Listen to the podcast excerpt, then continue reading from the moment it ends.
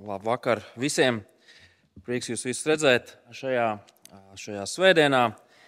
Mēs esam šo svētdienu atgriezušies pēdējā, lūdzu, lūdzu, pēdējā nogriezienī, pirmajā Timoteja vēstulē. Tādēļ es aicinu, ka mēs varētu vērt vaļā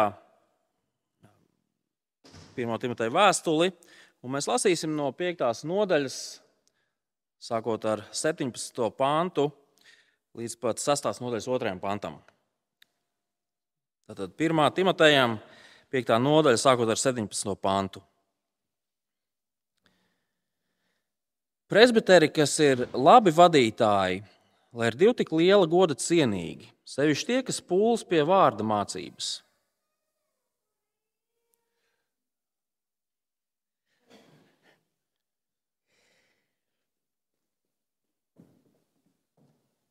Izlasīsim vēlreiz. Presbiteri, kas ir labi vadītāji, lai ir divi tik liela goda cienīgi, sevišķi tie, kas pūlas pie vārdu un mācības.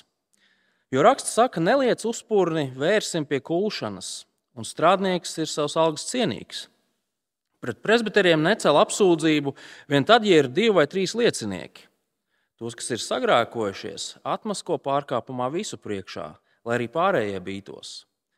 Es to apstiprinu Dieva un Kristus Jēzus un izredzēto eņģeļu priekšā, lai tu to visu ievēro bez aizspriedumiem un nedara neko noslēdzoties uz vienu vai otru pusi. Nevienam nesteidzies uzlikt rokas, un neesi līdzdalībnieks citu grēkos. Turi sevi šķīstu. Nedara vairs tikai ūdeni, bet lieto arī nedaudz vīna savu kuģu un biežo slimību dēļ. Dažu cilvēku grēki ir redzami skaidri, tā ka tie saņem sodu uzreiz bet citiem sots nāk vēlāk. Tāpat arī labie darbi ir tādi, kas skaidri redzam tūlīt, bet, bet netiks apslēpti arī tie, kas neparādās uzreiz. Visi, kas ir zem verdzības sloga, lai dod godu saviem kungiem, ka Dieva vārds un mūsu mācība netiek zaimota. Tie, kam kungi ir ticīgi, lai tos nenicina, jo viņi ir tiem brāļi, lai viņi nes kalpa jūgu vēl jo labprātāk, Jo tie, kas no šādas krietnas kalpošanas gūst augļus, ir ticīgi un mīļoti. To visu māci un aicini darīt. Tas ir kunga vārds. Lūksim, un tad aplūkosim šo rakstu vietu. Dabas Tēvs, mēs Tev pateicamies, ka mums ir pieejams Tavs vārds. Mēs pateicamies, ka mēs to varam saprast. Un mūsu lūkšana šajā pēcpusdienā ir pēc tā, lai mēs varētu atbildīgi attiekties pret to, ko mēs lasām, un lai tas, ko tu mums caur savu vārdu māci, vairo mūsu izpratni un vairo mūsu gribēšanu dzīvot saskaņā ar tavu vārdu. Palīdz mums uz to Jēzus vārdā. Amen. Neko nav tik viegli sasmērēt un tik grūti notīrīt kā reputāciju. Reputācijai ir ārkārtīgi milzīga nozīme. Mēs, mēs visi to zinām. Un nav, nav svarīgi, vai runa ir par cilvēku, vai runa ir par, par kādu organizāciju, par politisku spēku vai, vai kādu iestādi. Nav svarīgi. Reputācijai ir ārkārtīgi milzīga nozīme. Un tieši tādēļ sabojāta reputācija var pielikt punktu, vai vismaz ļoti ietekmēt, piemēram, kādu spīdošu karjeru, varbūt kādu daudzsološu projektu, vai kādas labas, izcilas organizācijas darbību. Sabojāt reputāciju nozīmē laust uzticību pašos pamatos pareizi. Uzticība ir lausta. Kas būs tālāk? Man pārsteidz reizēm tas, cik cilvēki bieži nostājās aiz, nu, piemēram, politiskām partijām un, un, un, un darboņiem, lai gan viņu reputācija ir acīm redzama sabojāta. Reputācija ir svarīga. Un Pāvils uzskata, ka arī draudzes reputācija ir ārkārtīgi svarīga. Kāpēc? Tāpēc, ka draudzes reputācija neizbēgami ir saistīta ar paša dieva reputāciju, ar paša dieva vārdu. Un tieši tādēļ ir ārkārtīgi svarīgi tas, kāda reputācija piemīt draudzēji.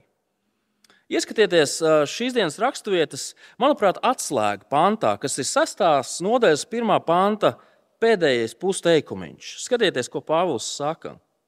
Ka Dieva vārds un mūsu mācība netiek zaimota. Zaimot nozīmē eh, nicināt. Šo vārdu var tūkot arī apsaukāt, nolādēt, izsmiet. Noteikta rīcība, noteikta reputācija var novest pie tā, ka Dieva vārds, pats Dievs, tiek izsmiets un nicināts. Draudzes reputācija ir milzīga nozīme.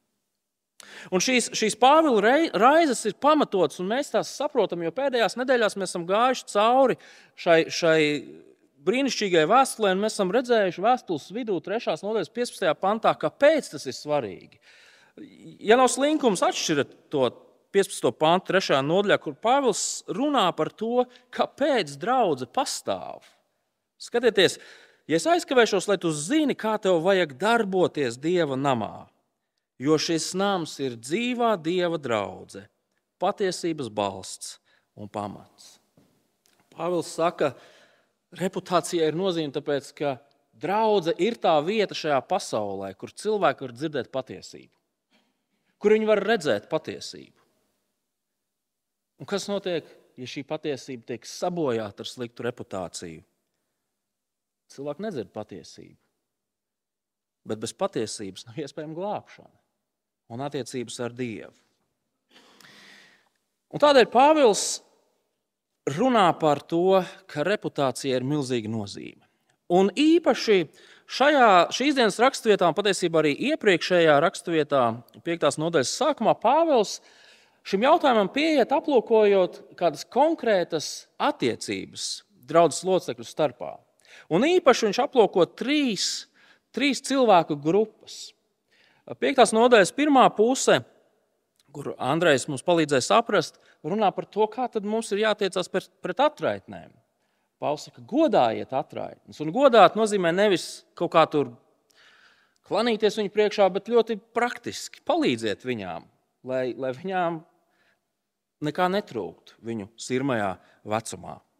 Un šajā raksturvietā Pāvils vēlreiz um, lieto šo pašu vārdu godājiet.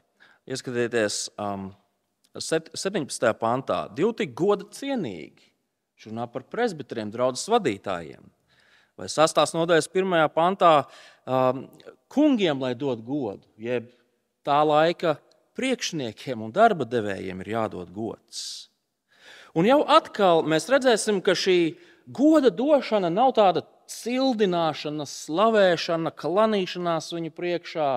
Nē, nē, nē, nekā tāda. Mēs redzēsim, ka runa ir par praktiskām un pašsaprotamām lietām. Un, manuprāt, tas iemesls, kāpēc Pāvils, runājot par draudzes reputāciju un šādu īpašu attieksmi pret kādām noteiktām cilvēku grupām, kāpēc viņš to runā, par to runā, ir tādēļ, ka šie cilvēki, ir īpaši vadītāji un šie darba devēji, viņi ir cilvēki ar zināmu atbildību, ar zināmiem pienākumiem, ar zināmiem uzdevumiem. Uz viņiem skatās vairāk. Un tieši tādēļ Pāvils grib, lai mēs pareizi raudzītos uz šiem cilvēkiem. Pirmkārt, aplūkosim, ko viņš saka par draudzes vadītājiem. Un kā tas ir saistīts ar reputāciju un kā tas ir saistīts ar paša dieva vārdu. Un Pāvils vēlas, lai mēs ieraugām, lai dieva vārds netiktu zaimots, mums ir jāgodā labi vadītāji. Ieskatieties vēlreiz 17. pantā. Presbiteri, kas ir labi vadītāji, lai ir divi tik liela goda cienīgi, sevišķi tie, kas pūlas pie, pie vārda un mācības. Vēlreiz runājot par goda izrādīšanu vadītājiem. Pāvils nerunā par to, ka draudzes vecākie būtu jāuzrunā uz jūsu labdzimtību, vai tā kā mācītājs iet garām, tad ir jāceļās kājās, vai jākrīt garšļaukus, vai jābučo kaut kāds īpašs gredzens. Vai varbūt tomēr viņš runā par to? Neuztraucieties, viņš par to nerunā. Pāvils piemin trīs lietas, trīs praktiskas un patiesībā vienkārši pašsaprotamas lietas, kā tad izpaužās vadītāju godāšana. Un vēl vairāk Pāvils paskaidro, kāpēc tas ir tik svarīgi. Trīs lietas. Pirmā lieta - mēs godājam labus vadītājus, sniedzot tiem finansiālu atbalstu. Izlasīsim vēlreiz 17, 18 pantu. Presbiteri, kas ir labi vadītāji, lai ir divi tik liela goda cienīgi, sevišķi tie, kas pūlas pie vārda un mācības. Jo raksti saka, neliec uzpūrni vērsim pie kulšanas, un strādnieks ir savas algas cienīgs. Grieķu valodā presbiteris vienkārši nozīmē vecākais. Burtiski tulkojot gados, vecākais. Un tā laika sabiedrībā visnormālāk pie noteiktiem apstākļiem, pie normāliem apstākļiem par draugu vadītājiem ir kļūt tie, kas bija gados vecāki, kur bija pieredzējušāki, kur bija skolotāki, kur bija zinošāki. Tie kļuva par draugu vadītājiem. Protams, bija daudz izņēmumu, un viens no izņēmumiem ir pats Timotejs, kurš visticamāk bija gados daudz, daudz jaunāks. Lai vai kā Pāvils šeit runā par tiem pašiem cilvēkiem, par kuriem viņš runāja trešajā nodaļā, kur viņš runāja par to, kādiem ir jāizskatās draudzes pāraugiem, jeb ja biskupiem. Biskups, vecākais presbiters, pāraugs. Tie četri vārdi, kas apzīmē vienu un to pašu cilvēku grupu. Un pirmā lieta, kas mums iekrīt acīs, runājot par šo godu izrādīšanu, ir saistīta ar to, ka šim vadītājam ir jābūt, mēs varētu teikt, goda cienīgam. Viņam ir jābūt labam vadītājam. Viņam ir jābūt atbilstošam vadītājam, tādam, kurš dara to, kas viņam ir jādara. Un kas tad vadītāju padara par atbilstošu vadītāju, tādu, kurš dara to, kas viņam ir jādara? Ja viņš vada savu draugu. Un kā tad viņš labi un atbilstoši vada savu draugu? Viņš pūls, lai draudzē tiktu mācīts Dieva vārds. Šāds vecākais velta savu dzīvi, savu laiku, savu ikdienu, lai Dieva vārdu mācītu cilvēkiem, kas ir draudzē un ne tikai. Un draudze ir aicināta finansiāli rūpēties par šādiem vadītājiem. Tieši tas ir tas, ko nozīmē otrajā pantā redzamie tie divi citāti. Raksts saka, neliec uzpūrni vērsim pie kūšanas. Strādnieks ir savs algas cienīgs. Senajās dienās graudu kūšanā tika iesaistīti dzīvnieki. Tās metodas bija daudz un dažādas, bet bieži vien tika iesaistīti arī vērši. Un, un, un bija likums, tas vērsīts, kurš, kur, kurš to smago darbu dara, viņam nevajag aizsiet muti. Tāpēc, ka darba gaitā viņš drīkst arī ēst no tiem graudiem, ko viņš kuļ. Par viņu ir jārūpējas. Tas ir smags darbs.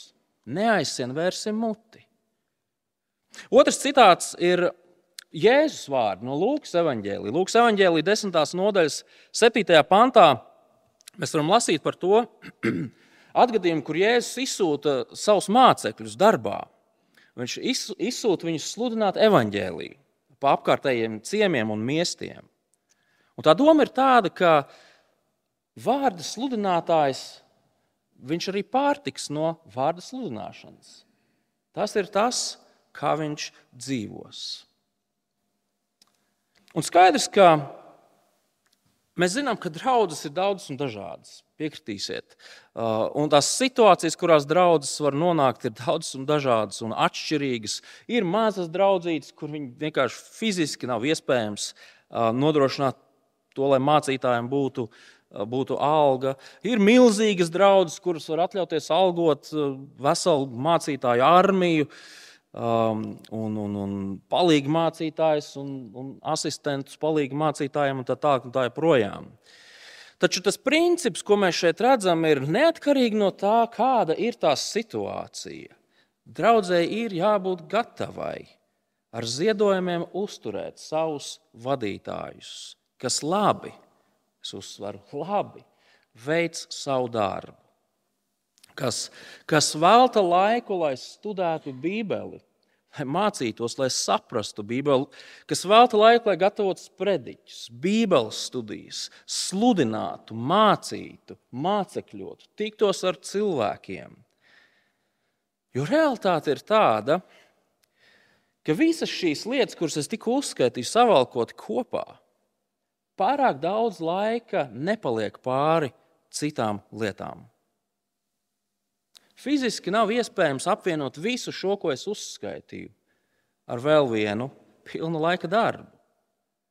Mācītājiem ir rēķini, kas jāmaksā, ir izbadējušies pusauģi, kas jābaro, un ir daudzas citas vajadzības, kā mums visiem.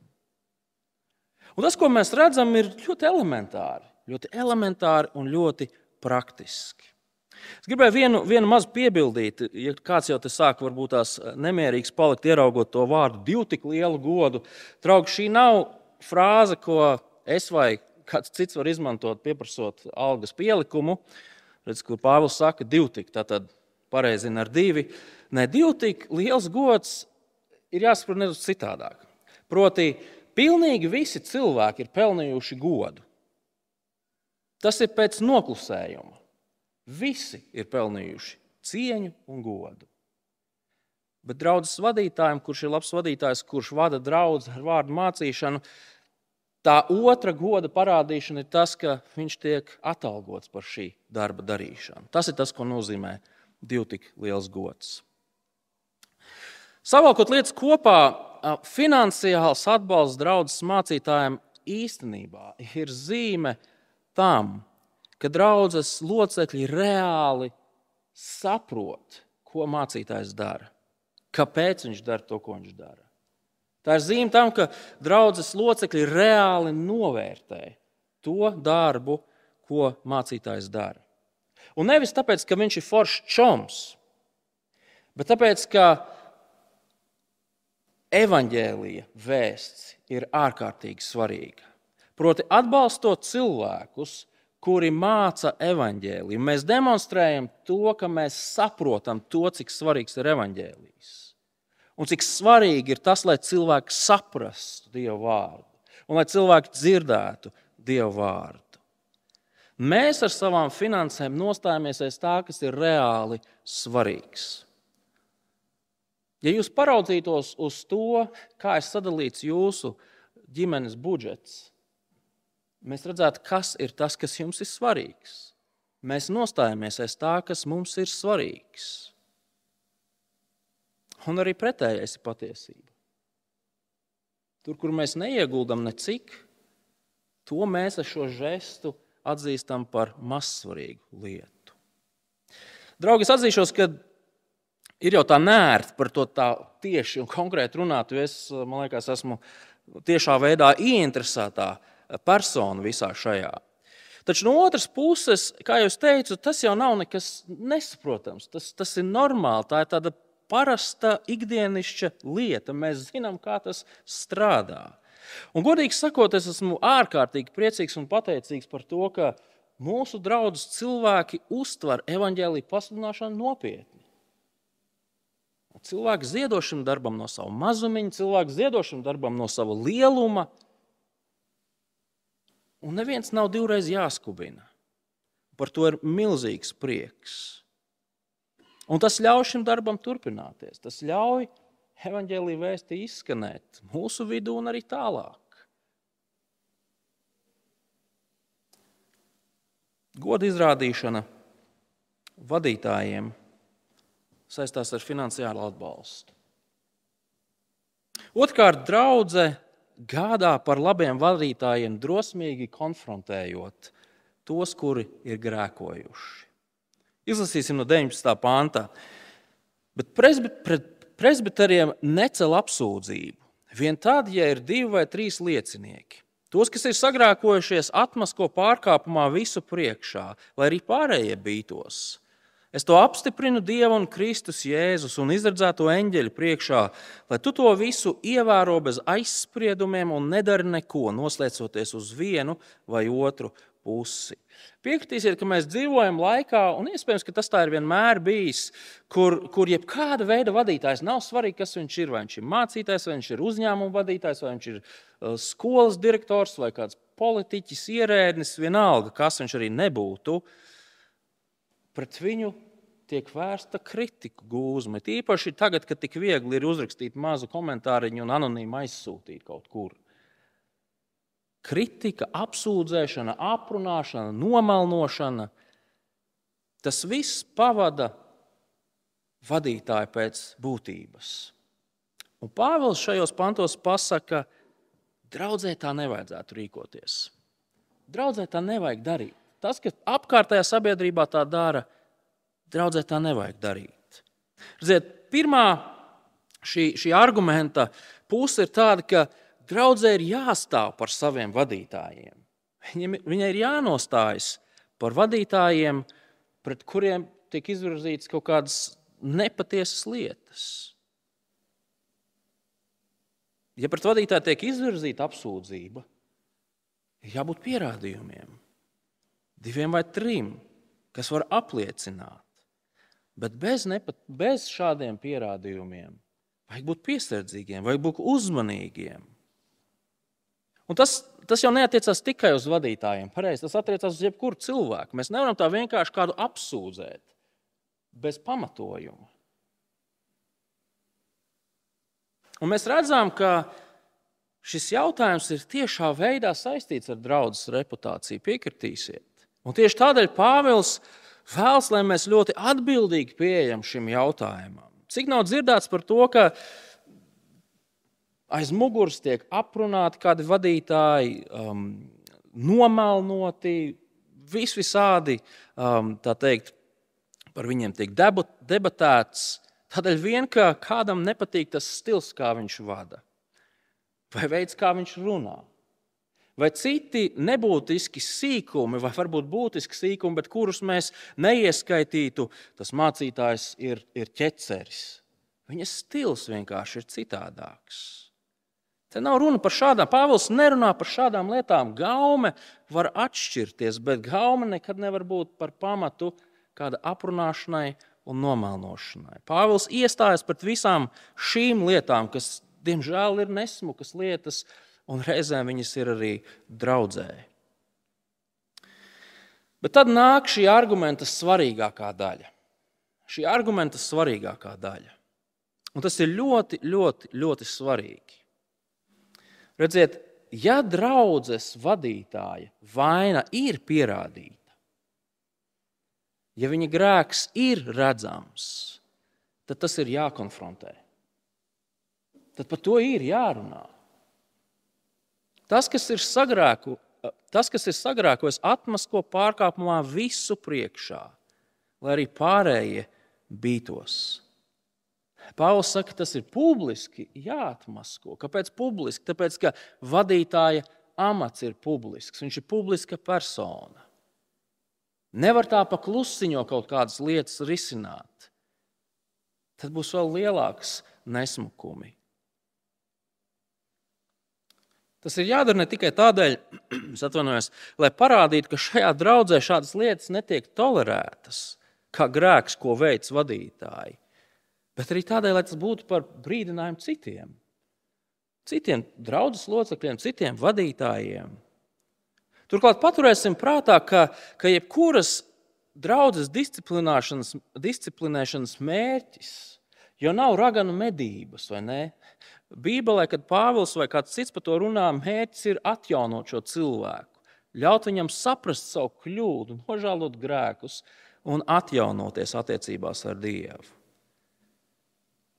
Taču, ja šīs lietas netiek darītas, Ja draudzes vadītāja grēki netiek konfrontēti,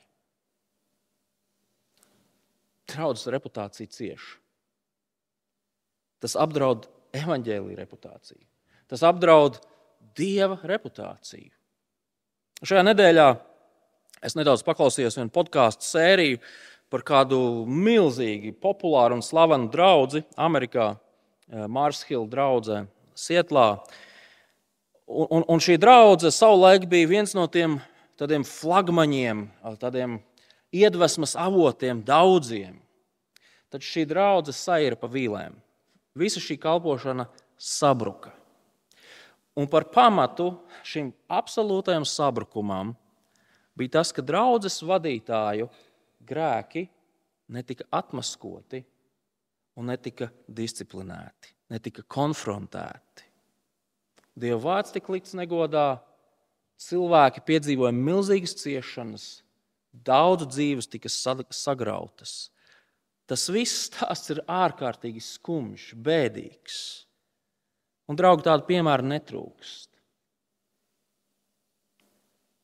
Vadītājs, kurš grēko, ir jākonfrontē.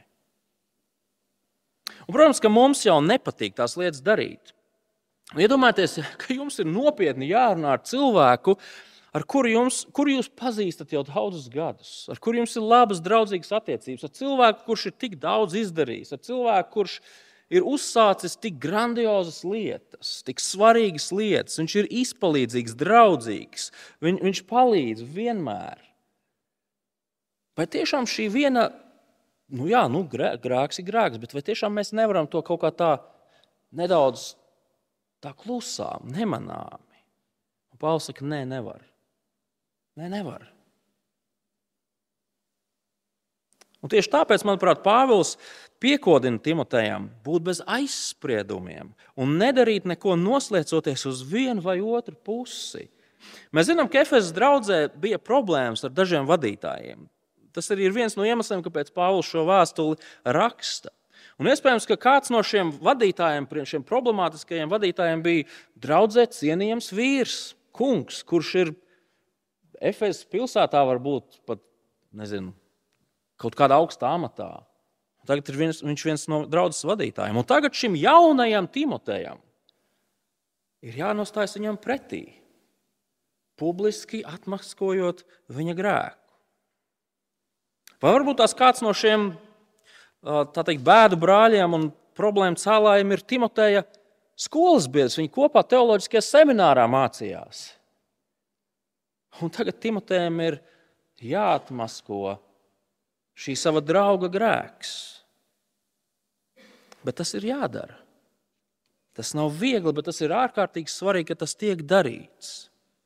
Vai jūs pamanījāt, kā Pāvils dod šo norādījumu? Ieskatieties 21. pantā. Es to apstiprinu Dieva un Kristus jēzus un izredzēto eņģeļu priekšā. Dodam šo pavēlu konfrontēt grēcīgos vadītājus, Pāvils piesauc pašu Dievu kā savu liecinieku. Un, manuprāt, Pāvils šādā veidā gribēja Timotejam atgādināt to, ka galvenais ir Dievs.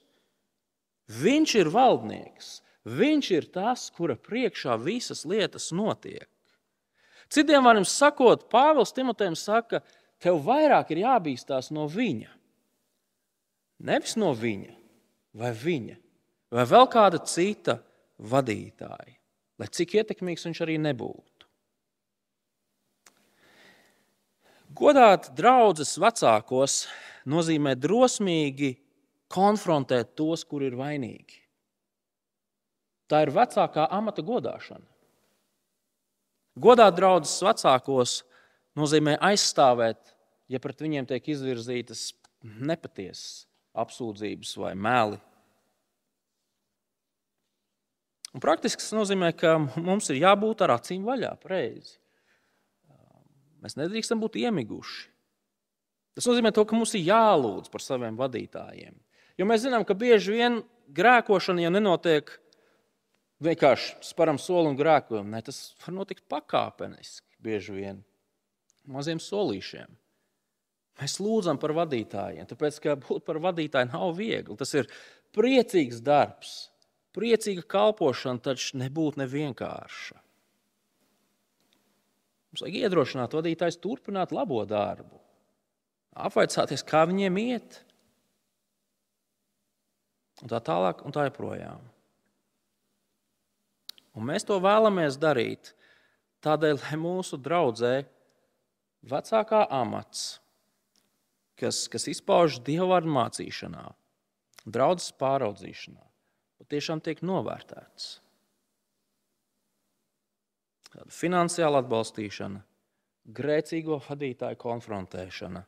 Visbeidzot, Pāvils saka, ka vecākie tiek godāti tad, ja mēs rūpīgi gādājam par to, lai amatā tiktu iecelti pareizie cilvēki. Rūpīgi pārdomāta amatā iecelšana.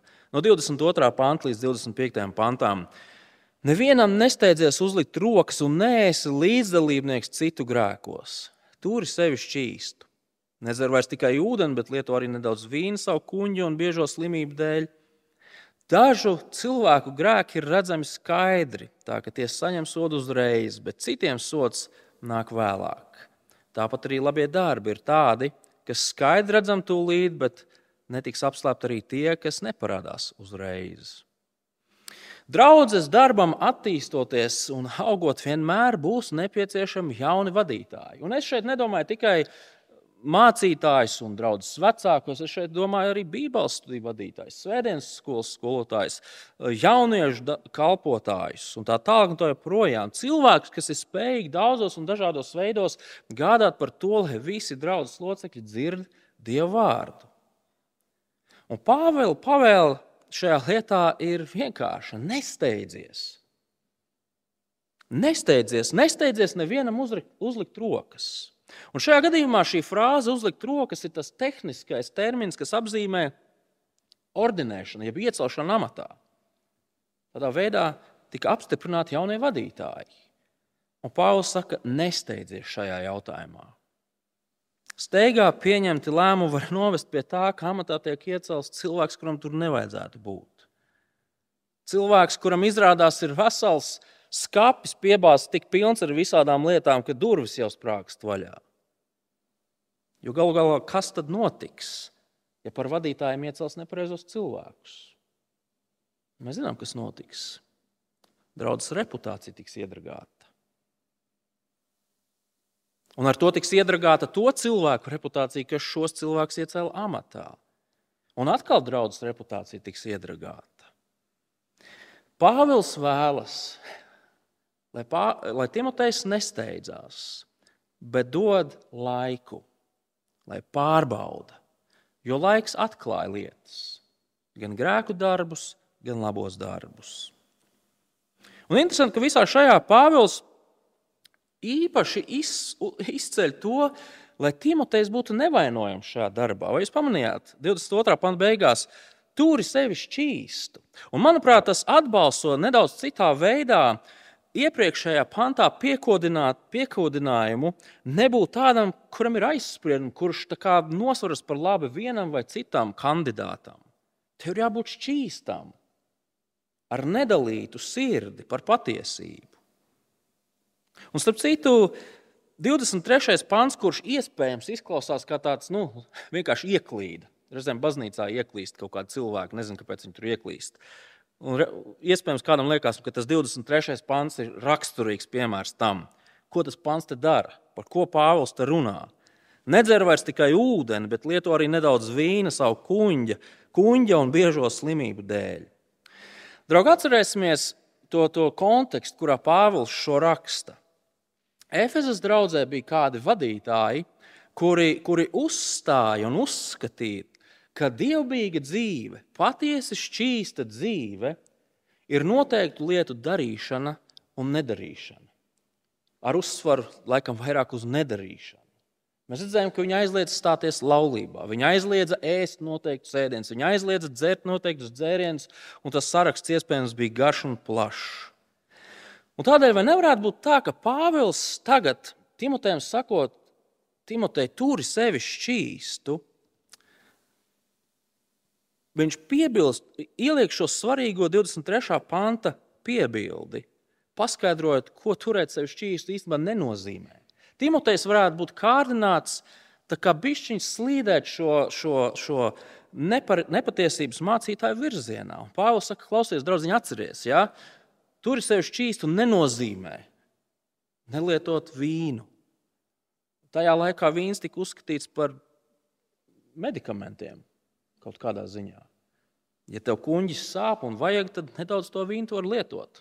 Iekšēji, nevis ārēji ieberzēt vēderiņu, kā reizēm cilvēki mēģina to izskaidrot.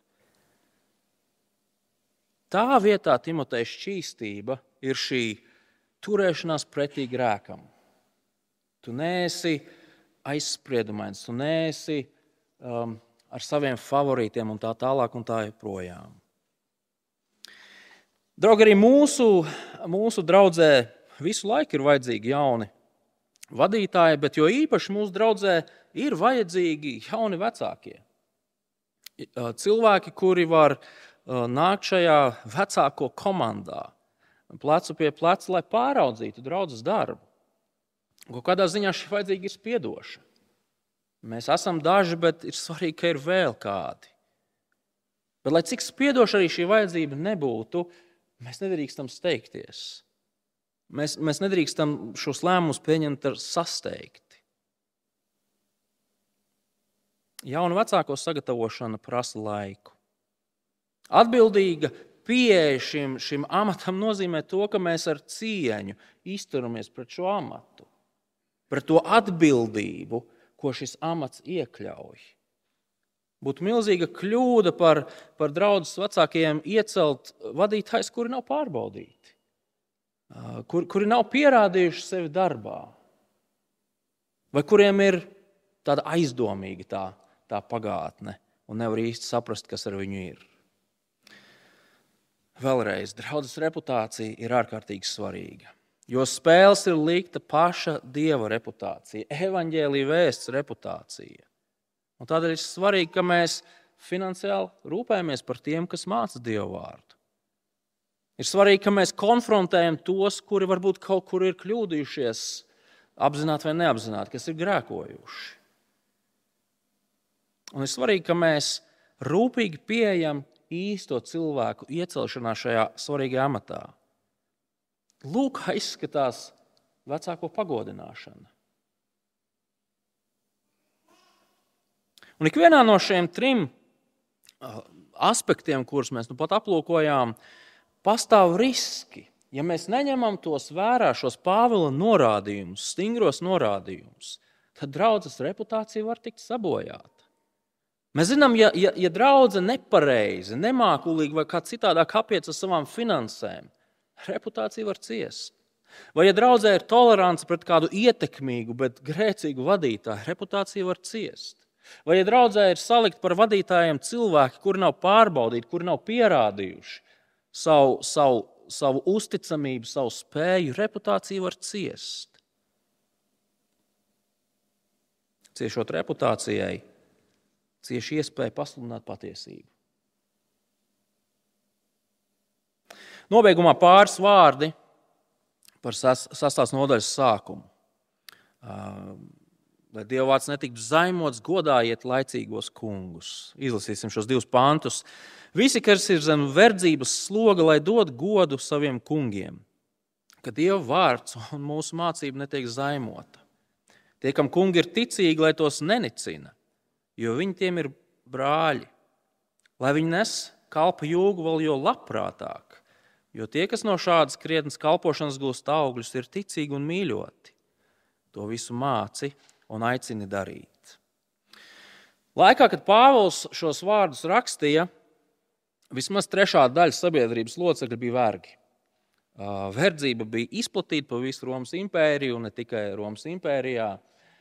Šī verdzība atšķīrās no tā, ko, ko mēs redzam filmās par, par Ameriku un, un verdzību tajā laikā. Taču skaidrs, ka verdzība ir verdzība. Un Bībele savos pamatos neatzīst verdzību, neatbalsta verdzību. Taču šeit ir tā specifika, ka mēs varētu runāt par, par, par tā laika verdzību. Neperfekti tas nav viens pret viens, bet nedaudz līdzīgi tam, kā mūsdienās ir darba devēji un darba ņēmēji. Tajā laikā arī cilvēki vienkārši bija spiesti doties verdzībā, lai varētu par sevi parūpēties. Par to mēs šobrīd nerunāsim, par šo vēsturisko tā teikt, eh, kāpēc Pāvils te runā par verdzību un tā. Bet tas, kas ir svarīgi, kas ir svarīgi, ka mēs to ieraugām, ka tajā laikā, kad kristietība gāja plašumā, daudzi no šiem vergiem kļuva par kristiešiem. Viņi kļuva par ticīgiem cilvēkiem. Un tagad Pāvils runā par to, kā šiem ticīgajiem vergiem vajadzētu raudzīties uz saviem kungiem. Vēl vairāk, kā šiem ticīgajiem vergiem vajadzētu raudzīties uz saviem ticīgajiem kungiem. Ticīgs vergs un, un viņa kungs arī Kristums seko. Un Pāvila atbilde ir ļoti vienkārša. Viņš saka, godā savu darba devēju. Un ja viņš ir ticīgs darba devējs, tad godā viņu vēl vairāk. Ko tas nozīmē praktiski? Atkal ļoti vienkārši. Esi čakls un cieņpilns. Tik, cik tas ir iespējams. Esi paraugs savā darbā. Jūsu kopīgā ticība nedrīkst nojaukt jūsu uh, profesionālo attiecību hierarhiju, ja tā var teikt. Jūsu kopīgā ticība nedrīkst nojaukt šo autoritāti, kas pastāv jūsu attiecībās. Pretējā gadījumā Dieva vārds tiks zaimots, izsmiets, nicināts. Un Dieva evaņģēlijs tiks uh, izsmiets un zaimots. Draugi, esam darbinieki, neizmantosim savu kristīgo ticību kā attaisnojumu tam, ka tagad mēs darba laikā varam nodoties kaut kādām garīgām lietām. Dievs tas nepagodina. Dievs grib, lai tu esi vislabākais darbinieks savu priekšnieku labā. Un es šeit nerunāju par kaut kādām nelegālām darbībām, es runāju par normālu, parastu darbu. Gādā par to, lai tu izdari savu darbu. Nevajag neko garīgot. Jo tas ir tas, ko Dievs no tevis prasa. Es esmu gadu laikā runājis ar vairākiem kristīgiem vadītājiem. Viņi ir atzinuši, ka ar nožēlu viņiem pārāk nepatīk savā uzņēmumā pieņemt kā darbiniekus kristiešus. Mums jautā, kāpēc? Un atbilde vienmēr ir bijusi viena. Tāpēc, ka kristīgie darba ņēmēji uzskata, ka viņiem ir automātiski pienākās kaut kādas privilēģijas, kaut kādas priekšrocības, kaut kādas atlaides. Un to es skumji dzirdēt. Pāvils saka, ja tavs priekšnieks ir kristietis un tu esi kristietis, ar prieku dari darbu, ko viņš tev ir uzticējis darīt. Un tas pagodinās Dievu. Pretējā gadījumā apkārtējā pasaule skatās, redz to, kāda ir attieksme cilvēkiem vienam pret otru. Kāda ir attieksme pret tiem, kas ir kā, autoritātes pozīcijā. Viņi saka, kas tas par Dievu? Kas tas par evaņģēliju, ko viņi sludina? Draugi, reputācija ir milzīga nozīme. Mēs esam dievu ļaudis, mēs pārstāvam Dievu šajā pasaulē. Un Dievs ir glābējs. Dievs vēlas glābt daudzus, jo daudz šīs tumšās, kritušās, salauztās pasaules cilvēkus. Un tādēļ mums no savas puses ir jāgādā, lai šis darbs varētu iet uz priekšu, netraucēts. Un mēs gādājam par šo darbu, dzīvojot atbilstoši tam, kā Dievs to prasa. Mēs izturamies atbildīgi pret cilvēkiem, kas ir atbildīgi par mums, garīgi, materiāli. Tā ir kopīga lieta. Tā ir, tā, tas ir aicinājums mums visiem kopā kā draudzēji. Tad nu, lūksim, lai Dievs mums palīdz to īstenot. Amen. Lūksim. Dabas Tēvs, mēs patiesi pateicamies Tev par to, ka Tu esi Dievs, kurš grib glābt. Tu esi pārsteidzošs žēlstības pilns Dievs. Tu esi varants, tu esi taisnīgs, un pēc taisnības mums nekas nepienāktos. Bet tu tomēr dari visu, un tu esi darījis visu, lai grēcinieks izglābtu.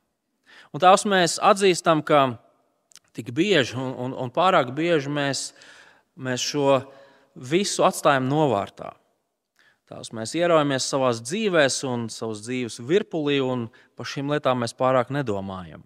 Daļai mēs pateicamies par šo īso praktisko vēstuli, kura mūs aicina domāt par to, kā mēs pieejam tik vienkāršām lietām, kā, kā atraitnes, kā draudzes vadītāji, kā darba devēja tēvs. Un kā šīs raksturības gaismā mēs redzam, ka šīs praktiskās lietas, kuras mēs esam aicināti darīt, ir veids, kā tu tiec pagodināts. Ir veids, kā mēs rūpējamies par evaņģēlīju reputāciju. Tāpēc Tēvs palīdz, ka mēs varētu būt čakli, darīt to, kas mums ir jādara. Un mēs lūdzam, lai tas viss paver iespēju runāt par evaņģēlīju. Jo galu galā glābšana nav pieejama, ja nav pasludināšanas, ja nav iespējas cilvēkiem dzirdēt. Tādēļ lūdzam, lai mūsu dzīvesveids, tas, kā mēs izturamies cits pret citu, nebūvētu šķēršļus pret evaņģēlīju pasludināšanu. Tās mēs pateicamies, ka tu gādā par mums visos veidos arī šodien, un lūdzam, palīdz mums šo praktizēt visas nākamās nedēļas un arī turpmākajos laikos. Lūdzam, Jēzus vārdā. Amen!